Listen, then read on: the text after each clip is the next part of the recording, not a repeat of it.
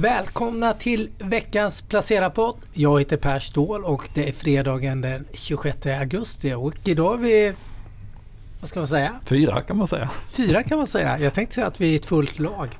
Men det är vi också. Vi är fyra stycken. Martin, Ja, välkommen. tack så mycket. Ludvig Lenngård också här. Karl-Lans sitter här. Vilket team. Vi drar väl igång direkt. Vilken vecka det har varit. Fantastisk vecka. Fantastisk vecka. Det har hänt ganska mycket. Det är det här stora mötet i, i USA. Det Jackson stora, Hole. Jackson Hole, centralbanks och eh, finanschefsmöte Mm. får man kalla det Det är för. väl i eftermiddag kväll svensk tid som Mm, då smäller det. chiefen ska lägga ut korten. Det var intressant. Men det händer en hel del. Det har varit en avknoppning. Det var ju ett tag sedan det var en- någon avknoppning på Stockholmsbörsen. Eh, så är det. Eller ska man säga första steget i avknoppningen. Att eh, Sand, jag antar att du tänker på Sandvik och eh, SMT, deras stålaffärsområde där som ska knoppas av under namnet Aleima. Och eh, fredag, idag då, första dagen som man handlar Sandvik exklusive rätten till Aleima. Så då får man den första skarpa indikationen på hur mycket Aleima är värt på egna ben. Eh, och den aktien föll faktiskt i inledningen här väldigt mycket mindre än vad jag och de flesta andra hade trott. Öppnade ner eh, 4 ungefär bara på Sandvik. Vilket skulle innebära att Aleima skulle ha ett börsvärde på ungefär 9 miljarder. Och de flesta har väl gissat någonstans mellan 12 och 14 eller tyckt att det är en rimlig nivå. Så eh, nu kan ju säkert handeln vara ganska slagig under dagen här men det indikerar ju tycker jag ändå att det kommer bli 1 plus 1 kommer bli lite mer än 2 i det här fallet. Sandvik exklusiva Aleima blir lite mer attraktivt och därför faller det inte lika mycket. Eh, och sen eh, värdet på Aleima är förmodligen högre än de här då, här 9 miljarderna som den här initiala nedgången skulle motsvara. Så att det ser ut att kunna bli en hyfsat lyckad avknoppning för Sandviks del i alla fall. Sen blir det intressant på onsdag nästa vecka är första dagen som Aleima börjar handlas. Och då är ju en uppenbar risk skulle jag säga att ganska många fonder, stora fonder, både utländska och indexfonder har ju inte så stort intresse av att äga ett mellanstort svenskt stålbolag. Eh, så de kommer ju att sälja ganska omgående tror jag. Så det är uppenbar risk för att det är lite säljtryck första dagarna, veckorna i Alima-aktien. Det kan ju vara ett superbra tillfälle att köpa då om man är intresserad av bottenfiske i ett svenskt stålbolag. Absolut. Två, ett, två grupper kan väl liksom lockas av det. Antingen om man vill spekulera eller trada väldigt kortsiktigt upp att den får att fondflödena trycker ner aktien mer än vad som är rimligt. Och det som man vill gå in långsiktigt och, eh, och komma in på en bra nivå. Så, så är det ju också intressanta dagar nästa vecka. Men hur ser liksom tillväxtutsikten ut för uh, gamla SMT då? Ja, men det är ju det speciella här är ju att inom Sandvik-koncernen så var, var den här verksamheten eh, liksom inte den som var mest högpresterande om man säger så, om man uttrycker det snällt. De var lågpresterare bland två andra stora ben som var högpresterare kan man säga. Men jämför man med branschkollegorna då så är det ett väldigt fint bolag. Eh, bland de bästa i klassen. Och, och det är ju hela poängen med avknoppningen att de ska få stå på egna ben och jämföras med konkurrenter och inte med, med den andra in, interna eh, benchmarken som de alltid då faller kort på. Men med det sagt, det är ju ett stålbolag, det är cykliskt, det finns inte en enorm tillväxt. Marginalmålet ligger på 9 de är ungefär där. Kan säkert gå upp lite i goda tider men eh, jag tycker det är lite svårt att bli riktigt upphetsad över liksom, vinsttillväxtmöjligheterna och då kommer inte värderingen heller att dra iväg. Så att eh, det, det kan ju vara en okej aktie att äga med hygglig utdelning men det kommer inte vara någon raket. Så att lite, lite svårt att bli upphetsad och de har en hyfsat stor exponering mot oljemarknaden. Vilket är bra nu Som då. nu, ja, det är bra nu men hur är den långsiktiga capexen bland oljekunderna när det blir elbilar istället för fossilbilar. Så att, eh, mm, ja, lite, lite svårt att bli upphetsad eh, skulle jag säga. Mm. Och det här namnet då? Var kommer det ifrån? Det är då en kombination av alloy och metal. Alltså legering och metall, vilket är vad de gör. Lite krystat, eh, man har hört värre varianter när folk hittar på nya namn men eh, ja, helt okej. Jag, jag gissar att det fanns en ganska stor eh, vilja att, att vara något helt annat än Sandvik då eftersom man ska gå skilda vägar här. Man kapar banden helt enkelt. Ja, man kapar banden och, och det är ju inget konsument, inga konsumentprodukter som marknadsförs under, under det här så att deras kunder är ju, bryr sig väl egentligen inte så mycket om vad det heter. De vill ha bra leveranser av bra material och god och liksom långa, långa relationer till sin leverantör och vet att allt funkar. Då är namnet inte det viktigaste.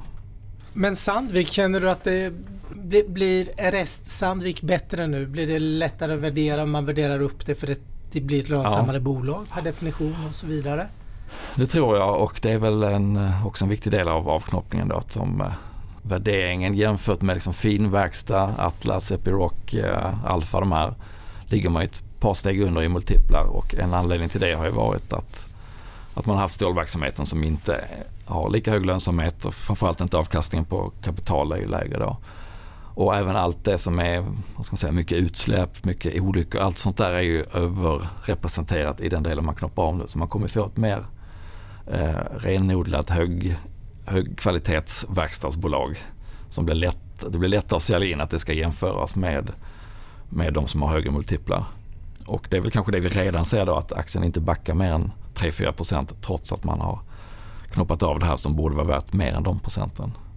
Eh, och, och, ja, det har ju varit storyn egentligen hela, ända sedan man började eh, prata om att knoppa av det. Och det har varit en otroligt lång process men eh, ja, på onsdag är den hem.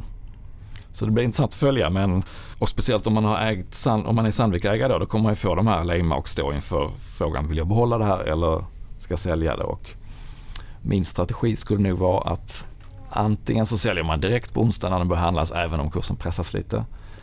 Eller så väntar man ut tills fonderna har gjort liksom sina stora utförsäljningar vilket säkert kan ta dagar och veckor. Tills det hittar någon slags balans vad som är det rimliga värdet på det här. Men vet man att jag inte vill ha kvar, absolut inte äga det här. Då ska man nog bara ja, vara hyfsat snabb på bollen och, och gå ut. Det kan inte bli så att eh, det här bolaget eh, slukas av någon annan eh, konkurrent då? Jag tänker det är ingen speciellt hög prislapp på det. Nej, inte omöjligt. Eh, en nyckel där blir väl, det är ju Industrivärden som är största ägare i Sandvik och kommer ju säkert att vara kvar under en, en lång period även i Alima. Så att, eh, jag skulle inte sätta jättehög sannolikhet på det. På kort och medellång sikt i alla fall. Utan då tror jag att Industrivärden kommer att vara kvar.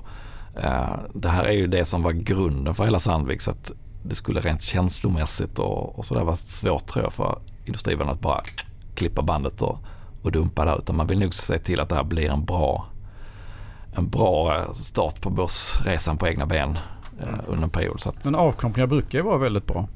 Alltså det är ju, det är ju en eh, investeringsstrategi som man ja. Egentligen ska anamma. Liksom.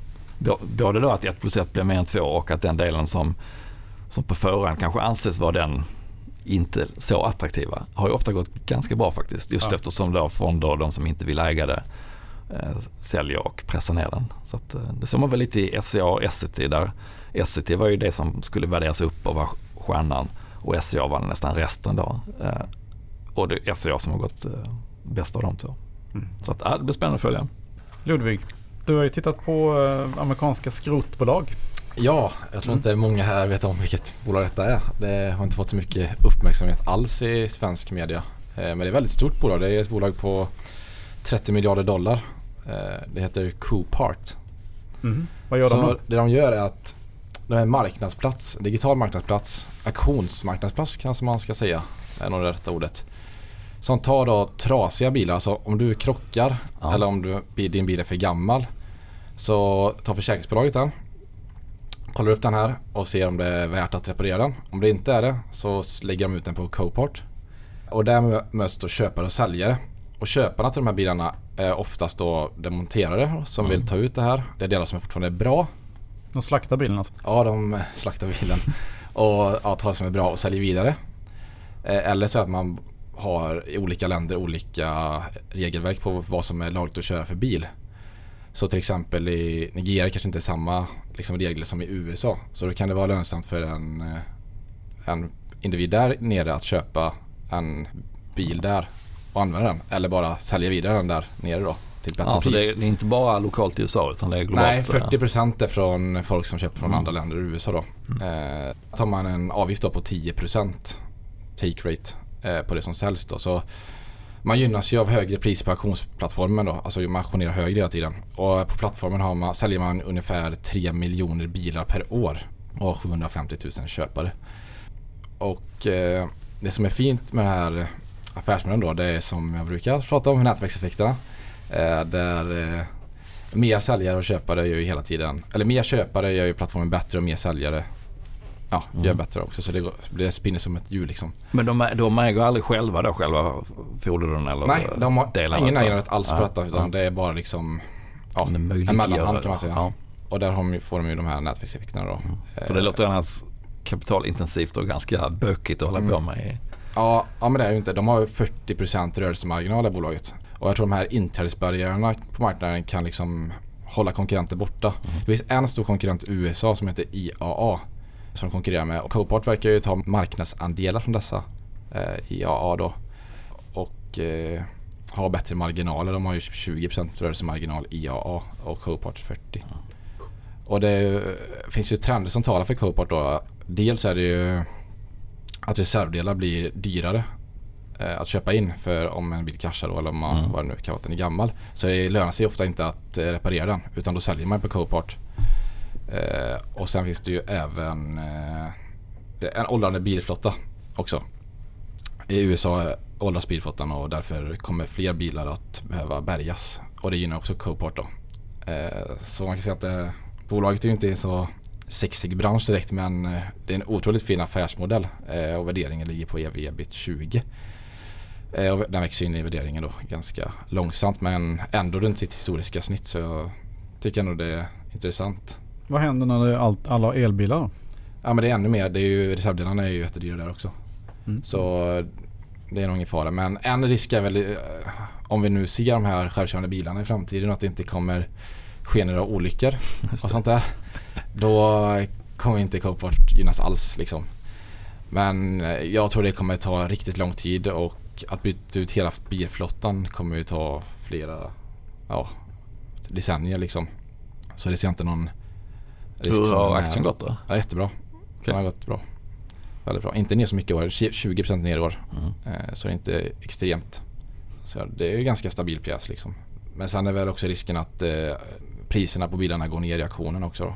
Ja. får de ju mindre penning där då. Eh, Men det är skrot, eh, vad ska man säga, skrothandlare, skrot, gamla skrotupplag som är köpare då av, eh, Ja, av det här. då kan säga skrot eller begagnade bilar också då delvis. Mm. För man kan ju köra dem i vissa fall. Men det beror på såklart. Och man håller på nu att expandera i Europa och, och fram, i framtiden ska man expandera i Indien och Kina också. Så vi får se hur det går. Det är ju en liten risk där. Det är alltid risker med att gå in i nya marknader. Men än så länge har det gått bra. Det borde gott är- om gamla bilvrak i Indien. De- Ja. Så jag tror, jag tror det är ett bra bolag. Fint bolag som man kan plocka upp och ha långsiktigt i portföljen. Och Carl, du har kollat på Amsterdam-aktier? Ja, jag har kikat lite på, eh, brukar göra en liten scanning av europeiska marknader och sådär. Och eh, nu har jag kommit fram till Amsterdam då. Eh, och eh, det är ju intressant att se lite vad, vad analytikerna tycker och tänker. Eh, Amsterdambörsen är ju det index eh, i Europa som faktiskt närmast följer eh, Nasdaq-index. Eh, och det är bland annat för att de har de här tunga pjäserna. Eh, ASML och ASM bland annat. Och sen har de Adyen också som är eh, i alla fall Europas största betaltjänstbolag. Och, och bara det gör det lite intressant att följa dem. Och, men det mest köprekade bolaget på eh, Amsterdambörsen just nu är faktiskt eh, energibolaget Shell. Aha. Som ju har då bytt namn kan man säga. De hette ju Royal Dutch Shell tidigare. Och nu heter de bara Shell. Eh, Så att de har eh, snyggat till namnet lite. Inte att förväxla med Kjell Company då. Nej, precis. det är en lite annan stavning också. Ja, lite annan storlek också. Ja. Eh, 25 av 31 analytiker sätter köp på aktien just nu. Eh, De gynnas naturligtvis något enormt av den här geopolitiska situationen som vi befinner oss i. Så att då är det man får ställa sig frågan då är om hur varaktig den är såklart när det gäller själv. Men det är ju då det eh, världens största västerländska eh, energi och oljebolag. Är det eh, Om man räknar bort Aramco då, som är saudiska jätten. Eh, runt tre fjärdedelar av omsättningen kommer från eh, oljeprodukter. Så att eh, och, och, och, och har stigit ungefär runt 40 procent i år, aktien. Eh, nej, annars är det ju då eh, ASML som är den stora pjäsen på eh, Amsterdambörsen. Eh, jag vet att Per älskar den aktien. Den har ju då fallit 25% i år. Eh, Den var ner 45 Den var ner 40 som när mest. det var som värst i Som början mörkast. på juli. Mm. Men eh, ASML gör ju då, eh, de tillverkar ju då maskiner till halvledarindustrin. Och är ju då ensamma om en, en viss teknik som faktiskt Carl Zeiss har tagit fram, Mm. eller ihop med dem. Mm. Som gör att de då är eh, 14 gånger mindre då kretsarna än, än närmsta konkurrenten. Så att det, de har ju väldigt försprång än så länge. Det känns som ett monopol liksom. Ja, det är ett De här. monopol, definitivt. Eh, Du måste köpa maskiner därifrån. Eh, Och man får ju inte lov att då expo- exportera de här maskinerna till till exempel Kina. Liksom. Mm. Eh, Så det är väldigt intressant. Sen en aktie som har haft det väldigt tufft som ligger på Amsterdambörsen är Prosus. Som vi hade stora förhoppningar kring vet jag för några år sedan. Mycket stora. Tencent-innehav och ett hundratal så här konsumentinriktade IT-tjänstebolag kan man säga. Bland annat Delivery Hero då. Det, det är som ett eh, investmentbolag inom tech. Ja, jag har ju Ja, kvar, precis. jag har ju kvar Prosus. Ja, det har ju verkligen inte levererat då. Ja, jag ligger plus nu. Det har gått upp nu. Ja, nu det har senaste. Den har kanske, den är väl... Den har återhämtat sig rejält nu det senaste. Ja just det, men det är för att Tencent-aktien då har Ja, stigit med lite Kina och det här. Och man kanske tror att eh, det lugnar ner sig lite i Kina med regleringar och sådär. Eh, Men det är mer en förhoppning om det. Men man får väl säga att den har, den har haft det tufft i alla fall. Annars, eh, Just Eat Takeaway är också en, eh, det är väl som Delivery Hero då kan man säga. Mm. Det är matutkörning. Den har haft en fruktansvärd utveckling men det är ju många som eh, analytiker som tror att det kan bli en vändning där just nu. Det är helt, helt blivit för billigt helt enkelt. Ett intressant bolag som jag själv gillar på Amsterdambörsen som vi nog aldrig har pratat om riktigt är Universal Music Group. Alltså världens största musikförlag. Det tror jag är en eh, aktie som man ska lägga i sin långa portfölj faktiskt. Eh, Som jag har satt min... Jag har ännu inte köpt den men eh, det är en sån jag kommer att köpa vid något tillfälle. De äger då rättigheterna till Rättigheterna, liksom katalogen. musikrättigheter, Mm. Ja, det där, ja det blir väl en utdelningsaktie då, skulle jag tippa. Signify, gamla Philips ljusdel. Det är faktiskt en, en avknoppning också. Som också får rätt mycket köpreka just nu. Eh, och minst rekat då är personaluthyrning just nu, Randstad. Ja. Eh, och köpcenterägaren då, Unibail, Rodamco, Westfield. Men den har ju varit minst köprekad under eh, många år i följd vet jag. Vilket inte är så konstigt. Nej. Eh, Så så ser det ut i Amsterdam just nu. Vi kan då lägga till att det är världens äldsta moderna börs. Bara det gör det intressant att följa den.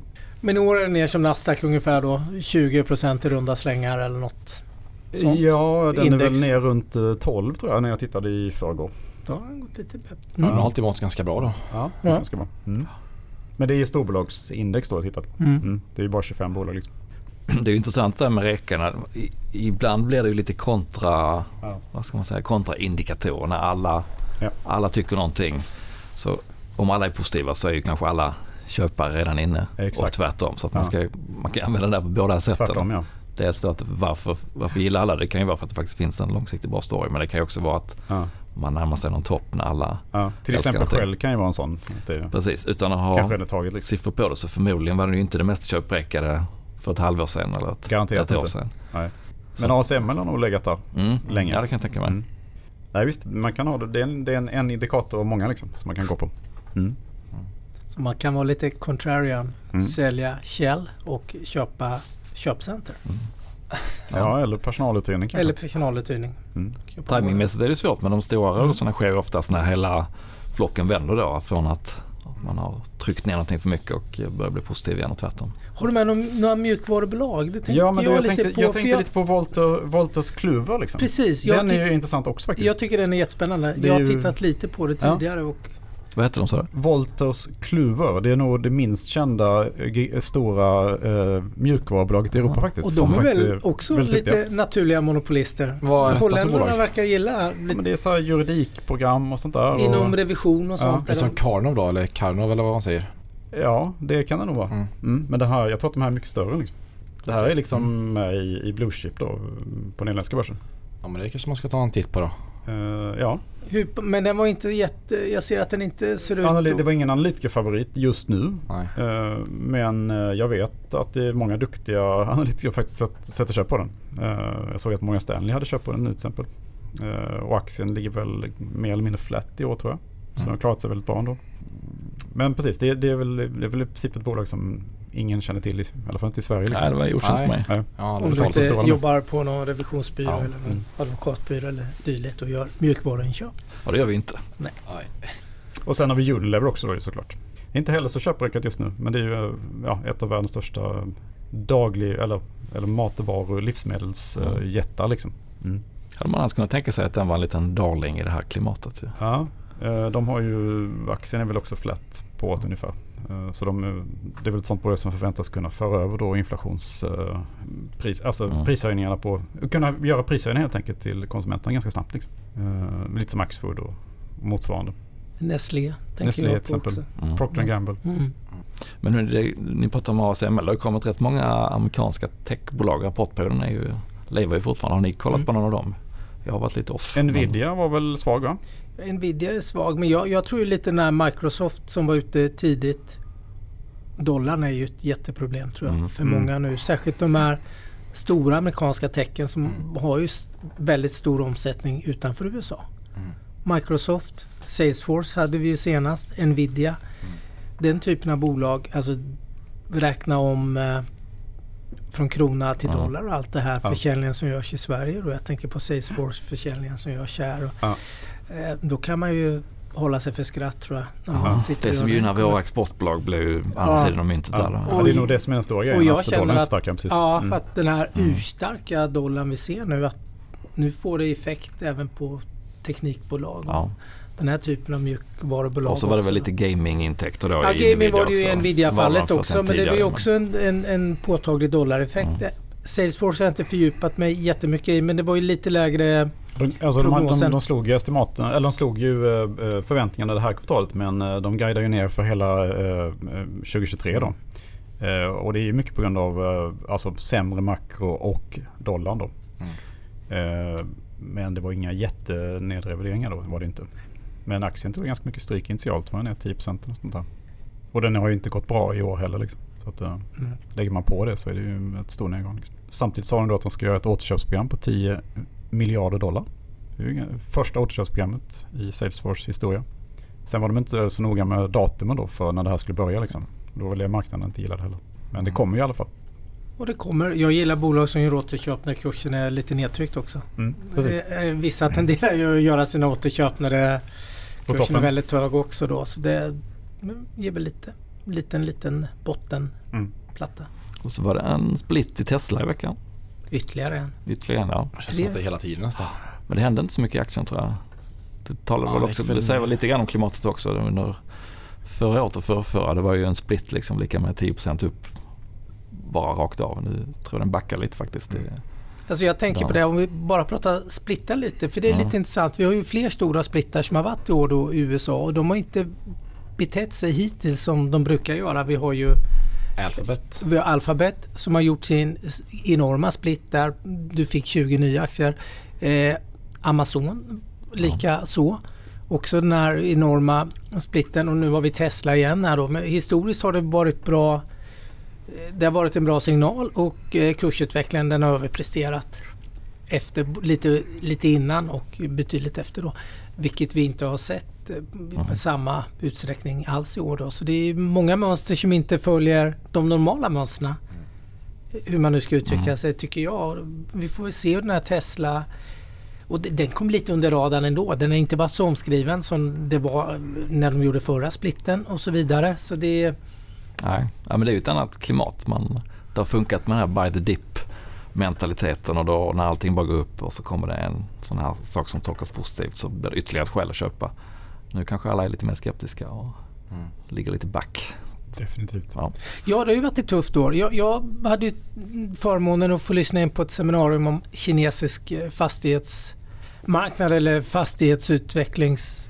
fastighetsutvecklingsmarknaden. Det är ju i princip ett år sedan det här. Vi lärde oss ett nytt bolag då. Världens, eller Kinas största Har fastighetsutvecklare. man nästan glömt bort den Evergrande. lilla krisen Ja, i alla andra kriser. Ja, man har, ja precis. Man har glömt bort den här krisen bland alla andra kriser som har kommit nu då. Men eh, krisen fortgår ju och har eskalerat. För nu är det ju lite halvstorm där. För nu har eh, de här bostadsköparna då som har betalat in handpenning och tagit lån betalat in för sina lägenheter som inte är färdigställda då. Slutat att betala in lån vilket är en, stor finansieringskälla för de här fastighetsutvecklarna då. Vilket gör att de får lite kniven på strupen nu då. Och då blir det problem att låna hos bankerna och så vidare. Sätter igång en jättestor eh, nedåtgående spiral kan det göra. Så, men det tolkades eh, både positivt och negativt på kort sikt. är det väldigt negativt och gör att det kommer ändå färre köpare nu. Eh, Färre som vågar köpa och teckna kontrakt på ny byggnation. Eh, samtidigt som andra menar att men det här kommer vara bra på medellång sikt för det tvingar in staten nu. Då man, man tycker att kinesiska staten har varit alldeles för lam i, i hela handläggningen då. De har gjort alldeles för lite och för sent. Eh, vilket tvingar in dem på banan nu med att och göra en hjälpfond då. Spekuleras det mycket i då, en enorm hjälpfond. Som då ska hjälpa och se till att de här kan slutföras, de här byggena då som är påverkade då, som har gått lite i stå då, så att det, marknaden får förtroende igen då. Det är inte så att de har sprängt lite byggnader och sådär också? Eller eh, rivit en del?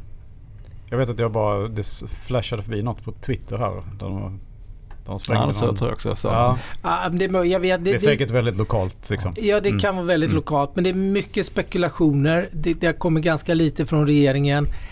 Och det är väldigt mycket spekulationer hur mycket ofärdiga bostäder det finns. Vad ligger värdet? Det är från några hundra, ett antal hundra miljoner upp till biljoner. Liksom. Så det är extremt stort intervall och det är väldigt mycket spekulation kring väldigt mycket. Då. Men det är en liten hämsko tror Ja. jag. För det är, fastighetsutveckling och byggande är ju en stor del av BNP i, i Kina. Har varit det. Men sen finns det andra starka trender. Demografin. Eh, man fortsätter med urbaniseringstrenden som har varit stark. För man är inte lika väl urbaniserad som man är i, i västvärlden och så. Om man nu kommer att bli det. I så fall finns det ett långsiktigt behov för att fylla eh, de här bostäderna då som man Och som den är- bygg, byggnedgången har ju synts rätt så länge och rätt så tydligt i, i, eh, i de bolag som är beroende av den sektorn. Alltså Volvos anläggningsmaskiner och Caterpillar och alla de här. Vilket ju lite grann då också har skymts av att det har varit så bra på alla andra marknader och, och sån efterfrågan och långa orderböcker. Så att de har inte riktigt uh, behövt lida av det så mycket som de kanske hade gjort om det var, den, om det var ett annat klimat. Uh, så man kanske inte bryr sig lika mycket om det på det sättet att det, det har gått ner och det kanske planar ut där. Ingen har någon förhoppning om någon jätteuppgång på kort tid. Nej, men det, det finns eh, vad man har gjort då som eh, lite som även man har gjort mycket i Sverige. Fastighetsbolagen och fastighetsutvecklarna har varit väldigt aktiva på obligationsmarknaden. Vilket man även har varit där och där man gärna har ställt ut i, eh, i dollar. Så det är, Financial Times hade en artikel tidigt i veckan och det, där man räknar med att kanske 130 miljarder dollar kommer att brinna inne. Liksom. Det kommer du inte få betalt för, för de obligationerna. Då. Och jag tror de, hade tittat på om det var de 500 största obligationspapperna så handlas eh, två tredjedelar under 70 procent av värdet. Då. Det är också en sån här, på obligationsmarknaden en indikation på att det är en stressad marknad och det kan bli mycket defaults och mycket inställningar. Då. Så det, det, är, det är ganska mycket eh, det är mycket utländska investerare som är inne där också. Det är inte bara kinesiska investerare. Det är verkligen hela havet stormar. Vi får se och det är ju en av världens största marknader. Man får inte glömma det. Kinesisk fastighetsmarknad är, när vi pratar marknader, nu Mm. pratar vi, då är det en enorm marknad. Så det, vi får se. Det, man kan hålla ett öga på det tycker jag. Ja, många av de stora finansiella kriserna kan man ju härleda till fastighetsmarknaden på ett eller annat sätt. Så Ja, för den är så enorm. Man Ja. glömmer lätt bort det. Man, man tittar på mjukvaror har vi pratat eller ASM eller det här. Det, de marknaderna är ju, de är ju en droppe i havet. Mm. N- När det kommer till ja, fastighetsmarknaden. stor marknad och stor eh, andel belåning i marknaden är ju ett, ett eh, recept för att när det går ner så, så är det stora värden som försvinner. Det är väl det som många använder som argument för att den här krisen inte är så farlig egentligen. För man har inte sett de extrema excesserna som man brukar se på bostadsmarknaden när det blir sådana här riktiga lågkonjunkturer. Liksom. Nej. Och det har vi inte den här gången i västvärlden i alla fall. Så att det är ett Mm. litet Hittills. gott tecken hittills. Ja, ett litet gott tecken. Ja. Men jag tror man ska hålla ett öga på och Ja. få se lite hur det utvecklas under, under hösten och vintern. Här då, Bra uppflaggning för den Ja. Mm. För ytterligare en kris. Ja. Förutom då värsta torkan på 500 år, eh, krig och farsoter. Liksom. Och energipriser Och och, energipris, räntor och eh. annat gott. Ja. Och infla- rekordinflation. Men det är fint väder.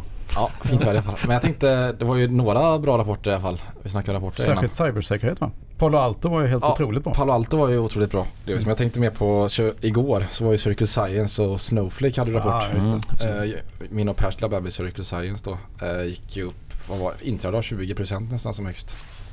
Eh, där man, där man gjorde det här stora förvärvet ju med Symbionics som var det var ju ett större bolag än vad Circle Science var innan själv. Eh, och integrationen går ju hur bra som helst verkar det som. Eh, och han, vdn Gisler gör ett jäkligt bra jobb tycker jag.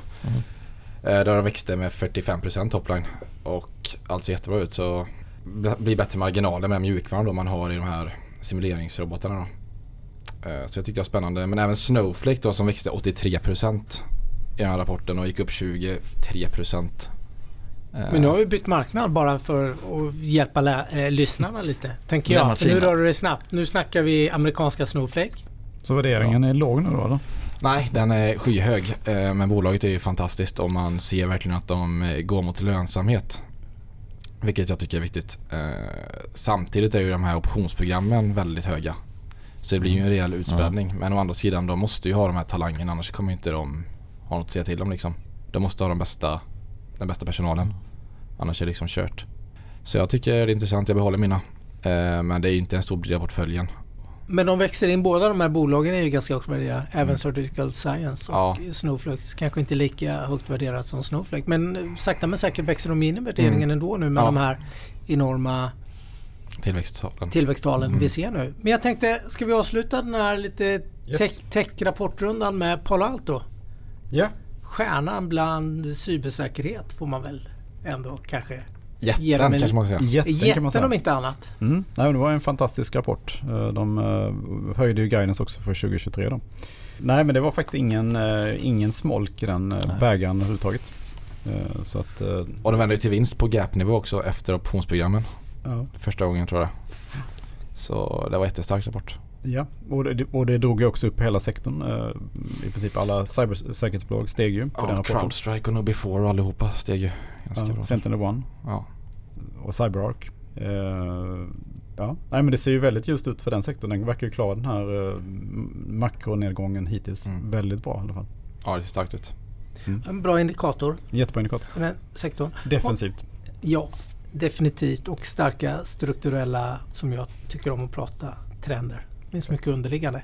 Har ni gjort några affärer nu i veckan då? Ja, jag sålde ju mina Ping Identity. De var ju de har uppköpta här nu. Eh, så jag har sålt dem nu. Eh, och sen har jag faktiskt köpt Svolder. Mhm.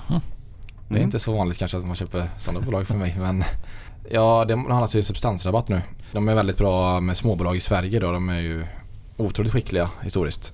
Så man får se det som en liten småbolagsfond, en svensk småbolagsfond. Sen finns det väl lite risker med att de byter VD här nu. Han Ulf eh, Hedlund. Han har ju varit där i typ 30 år och sånt där. Så det finns väl lite risker med att det inte blir lika bra i framtiden. Men eh, det är en liten bevakningspost så vi får se helt enkelt hur det blir. Mm. Men mm. Spännande. Vilka är deras stora innehav då? New Wave är det största innehavet. New Wave, ja. Mm. Torsten. Och så sålde de... ja, eh, New Wave, Garo och de här är det ju. Ja, sålde Nordic Waterproof minns jag när jag tittade på uppköpskandidater. Att de var- Så det är spännande. Eller har du köpt något mer än Svolder nu? Ja, jag har sålt lite Unity också. Det är ju en katastrofutveckling i den aktien. Jag låg ju typ 200% plus ett tag. Nu ligger jag back 40. 200% back. Ja, det är inte 200%. Det har varit hemskt. Nej, men den, eh, jag tycker det är väldigt rörigt i bolaget nu. Jag har också handlat lite Svolder faktiskt. Mhm. Mm. Jag passade på här liksom. När, när det var så mycket rabatt i den. Eh, sen eh, jag ser det lite som ett, ett eh, långtidsinnehav då. När det egentligen är rabatt i det också. Eh, sen har jag köpt eh, lite mer svenska innehav faktiskt. Det är första gången på många år jag köper svenskt. Men det är lite för att kronan är så svag. Så jag har handlat lite Catena. Eh, logistikfastighetsbolag.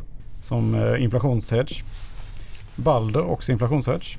Eh, De är väldigt pressade nu för eh, stora hyresfastighetsbestånd. Eh, Det kommer ju garanterat bli uppvärderat sen när inflationen toppar.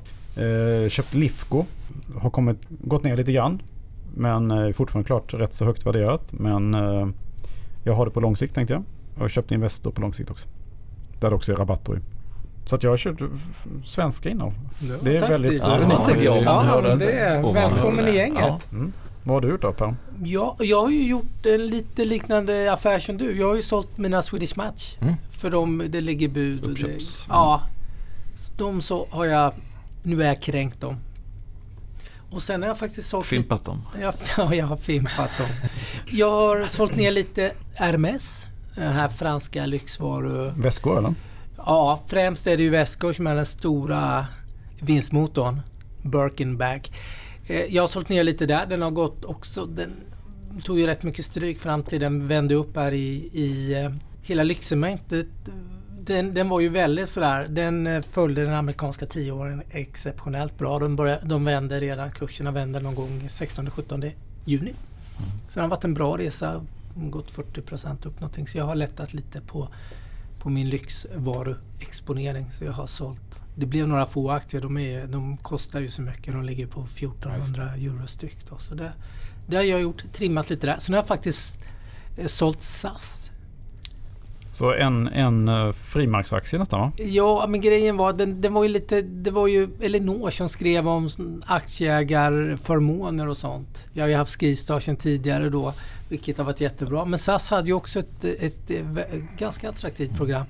Om man då ägde ett visst antal aktier så fick man eh, köpa, ganska, eh, blev man medbjuden resor billigare då vid ett par tillfällen. Fick kaffe, gratis kaffe liksom? Ja, men eh, jag vet inte. Det där flög inte riktigt som jag hade tänkt. Så nu eh, kröp jag till korset. Jag ja, behövde rensa lite ibland. Nu har jag två bolag mindre, ja. Swedish Match. Men just flygbolagen är ju något som, eh, alltså många gillar ju att äga flygbolag. Det är ja, ju en, enormt många som äger dem där, mm. SAS och Norwegian just att mm.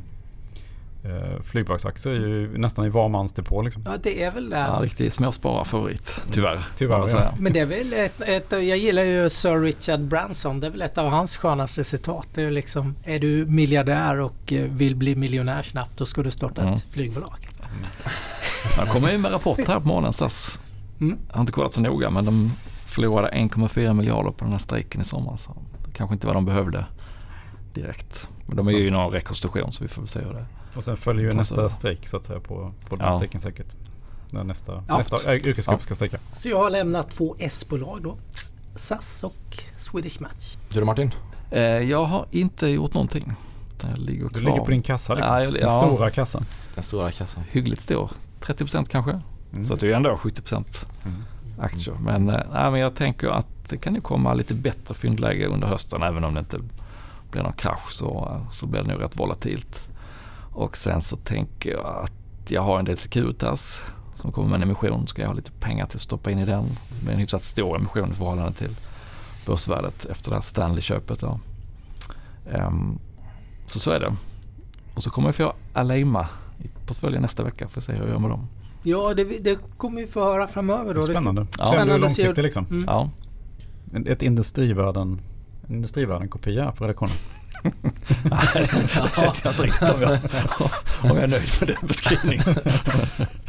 men, men eh, vi får väl se. Jag är nog inte fullt så långsiktig som industrivärlden.